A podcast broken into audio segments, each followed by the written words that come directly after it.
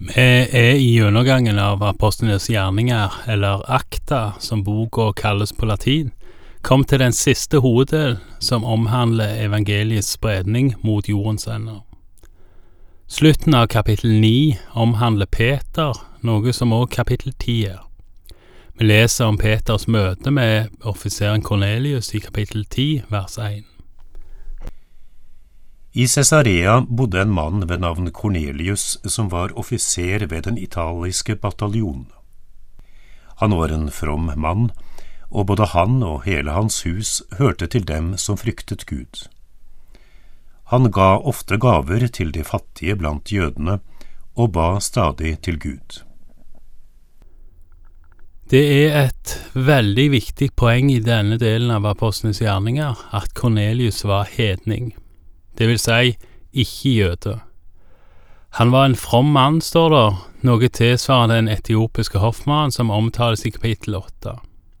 Dette er viktig fordi Jesus sender disiplene ut til alt folket, ifra Jerusalem og til jordens ender. Det vil nok noen jøder da og nå mene var feil, fordi jødene var Guds utvalgte folk. Men leser man i første Mosebok kapittel tolv om løftet til Abraham, løftet om land og folk, så står det klart der at alt folk skal velsignes gjennom Abrahams linje. Jesus kom altså ikke for å oppheve loven eller dette løftet, men han kom for å oppfylle løftet til Abraham, og være det barnet, den kongen i Abraham og i Davids linje, som oppfylte Guds løfte til alt folket, og derfor denne dreiningen mot hedningene som kom kort tid etter pinsedag. Derfor er denne dreiningen òg viktig. Vi leser videre fra vers tre hva som skjedde med Kornelius. En dag ved den niende time hadde han et syn. Han så tydelig en Guds engel som kom inn til ham og sa, Kornelius. Kornelius stirret på ham og sa forferdet, Hva vil du, Herre? Engelen svarte ham, Dine bønner og gaver til de fattige har steget opp til Gud, så han er blitt minnet om deg. Nå skal du sende noen menn til Jaffa for å hente en mann ved navn Simon med tilnavnet Peter. Han er gjest hos garveren Simon, som bor i et hus nede ved sjøen. Da engelen som talte til ham var borte, tilkalte Kornelius to tjenere og en from soldat fra livvakten sin. Han forklarte dem saken og sendte dem av sted til Jaffa. Dagen etter, mens de var underveis og nærmet seg Jaffa, gikk Peter opp på taket for å be. Det var ved den sjette time. Han ble sulten og ville spise. Mens de holdt på å lage maten, kom han i ekstase. Han så at himmelen hadde åpnet seg, og at noe dalte ned, det så ut som en stor duk som ble firt ned mot jorden etter de fire hjørnene. I den var alle slags firbente dyr og krypdyr som lever på jorden, og alle slags fugler under himmelen. Og en stemme sa til ham, Stå opp, Peter, slakt og spis. Men Peter svarte, Det kan jeg ikke, Herre, for jeg har aldri spist noe vanhellig og urent. For andre gang talte stemmen til ham, Det som Gud har sagt er rent, må ikke du kalle urent. Dette hendte tre ganger, og så ble duken tatt opp til himmelen igjen. Det som skjer når Peter ber på taket, får store konsekvenser. Både fordi det løser Peter og kommende kristne ifra reglene om hva som er urein mat, osv. Men enda viktigere, det tjener òg symbolsk til å vise Peter, eller rettere sagt minne Peter, på at alle mennesker skal få del i Jesu nåde. Jesus sa jo at de skulle spre budskapet ut til all verden og til alle mennesker. Det var altså ikke bare maten som ikke lenger skulle deles i rein og urein. Det gjaldt òg jødene og hedningene, altså hedningene skulle òg kunne regnes som reine og få del i evangeliet. Det kan jo vi hedninger eller ikke-jøder som lever i dag, være svært glade for. Vi leser videre fra vers 17. Mens Peter ennå var i villrede om hva dette synet skulle bety, kom utsendingene fra Kornelius. De hadde spurt seg fram til Simons hus og sto nå foran porten. De ropte inn og spurte om Simon med tilnavnet Peter var gjest her. Peter tenkte fremdeles på synet da ånden sa til ham, Her er tre menn som spør etter deg. Skynd deg å gå ned, du skal følge med dem uten å nøle, for jeg har sendt dem. Peter gikk ned til mennene og sa, Det er meg dere spør etter, hvorfor er dere kommet hit? De svarte, Vi er sendt av offiseren Kornelius, en rettskaffen og gudfryktig mann som hele det jødiske folk har bare godt å si om. Han har fått et budskap fra en hellig engel som sa at han skulle hente deg hjem til seg og høre hva du har å si. Så ba Peter dem inn og lot dem bo der som gjester. Neste dag ga han seg vei sammen med dem, og noen av brødrene fra Jaffa fulgte med. Dagen etter nådde de Cesarea.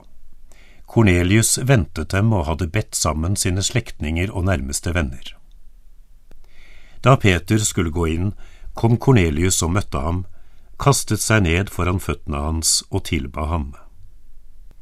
Men Peter reiste ham opp og sa, Reis deg, jeg er også bare et menneske. Peter snakket med ham mens de gikk inn, og han så at mange mennesker hadde kommet sammen. Han sa til dem, Dere vet at det ikke er tillatt for en jøde å omgås eller besøke noen fra et annet folk. Men Gud har vist meg at jeg ikke skal kalle noe menneske vanhellig eller urent. Derfor kom jeg da jeg ble budsendt, uten å gjøre innvendinger. Men nå spør jeg, hvorfor har dere sendt bud på meg? Kornelius sa da, På denne tiden, for tre dager siden, altså ved den niende time, var jeg hjemme og ba. Med ett sto en mann i lysende klær foran meg og sa, Kornelius, Gud har hørt din bønn og er blitt minnet om dine gaver til de fattige. Send bud til Jaffa og be Simon med tilnavnet Peter komme hit.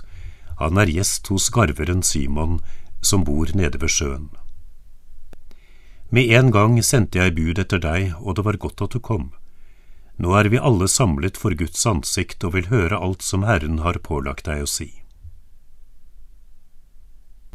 Da tok Peter til orde og sa, Nå forstår jeg virkelig at Gud ikke gjør forskjell på folk men at han fra alle folkeslag tar imot hver den som frykter ham og gjør det som er rett. Dere kjenner det ordet han sendte til Israels folk, det gode budskapet om fred ved Jesus Kristus, han som er Herre over alle. Dere vet om det som begynte i Galilea etter at Johannes hadde forkynt sin dåp, og som siden spredte seg over hele Judea Jesus fra Nasaret ble salvet av Gud med hellig ånd og kraft, og han gikk omkring overalt og gjorde vel og helbredet alle som var underkuet av djevelen, for Gud var med ham. Og vi er vitner om alt han gjorde rundt omkring i jødenes land og i Jerusalem, han som de hengte på et tre og drepte. Gud reiste ham opp på den tredje dagen og lot ham tre synlig fram ikke for hele folket, men for de vitnene Gud på forhånd hadde utvalgt, for oss som spiste og drakk sammen med ham etter at han var stått opp fra de døde. Og han påla oss at vi skulle forkynne for folket og vitne at han er den som Gud har satt til dommer over levende og døde. Om ham vitner alle profetene og sier at alle som tror på ham, skal få tilgivelse for syndene ved hans navn. Mens Peter fremdeles talte, kom Den hellige ånd over alle som hørte ordet. De troende av jødisk ett som var kommet dit sammen med Peter, ble forskrekket over at Den hellige ånds gave også ble øst utover hedningene. For de hørte dem tale i tunger og lovprise Gud. Da sa Peter, Disse har fått Den hellige ånd slik som vi. Kan noen da nekte dem vannet og hindre at de blir døpt? Så bød han at de skulle døpes i Jesu Kristi navn. Etterpå ba de ham bli hos dem noen dager. Ikke bare ser Peter i et syn at verken mat eller folk lengre skal deles i rent eller ureint. Dette blir òg stadfesta i flere vitners nærvær, med at Den hellige ånd blir utøst over disse hedningene mens de hører ordet. Det står òg at de starta å tale i tunger, en av de overnaturlige gavene som tidvis følger med det å få Den hellige ånd. Det kan òg være verdt å merke seg at disse hedningene fikk Den hellige ånd før de ble døypt. Om en mener at Den hellige ånd kom i dåpen, eller at åndsdåpen er noe annet, så kan en uansett her legge merke til at Herren deler ut sin ånd når han sjøl vil, til hvem han vil, og før mennesker er blitt døpt. Her står det at Ånden kom som et resultat av at de hørte ordet altså at evangeliet om Jesus, som kom for å frelse alle mennesker, jøde først, men òg greker eller hedningene, og det er ingenting i veien for at det samme kan skje i dag, at mennesker fylles av Den hellige ånd når ordet forkynnes, og før de er blitt døpt, enten på den ene eller andre måten. Poenget mitt er ikke å bagatellisere ulikheter eller uenighet i dåpssyn, for jeg mener faktisk det er viktig å reflektere over, lese om og diskutere. Poenget mitt er ganske enkelt, at selv om Herren har lagt ned noen forordninger og ting som vi skal følge, så er Han sjøl heva over disse, og Han deler ut sine egne gaver sånn som Han finner for godt. Heldigvis. Takk for i dag og Herren være med deg.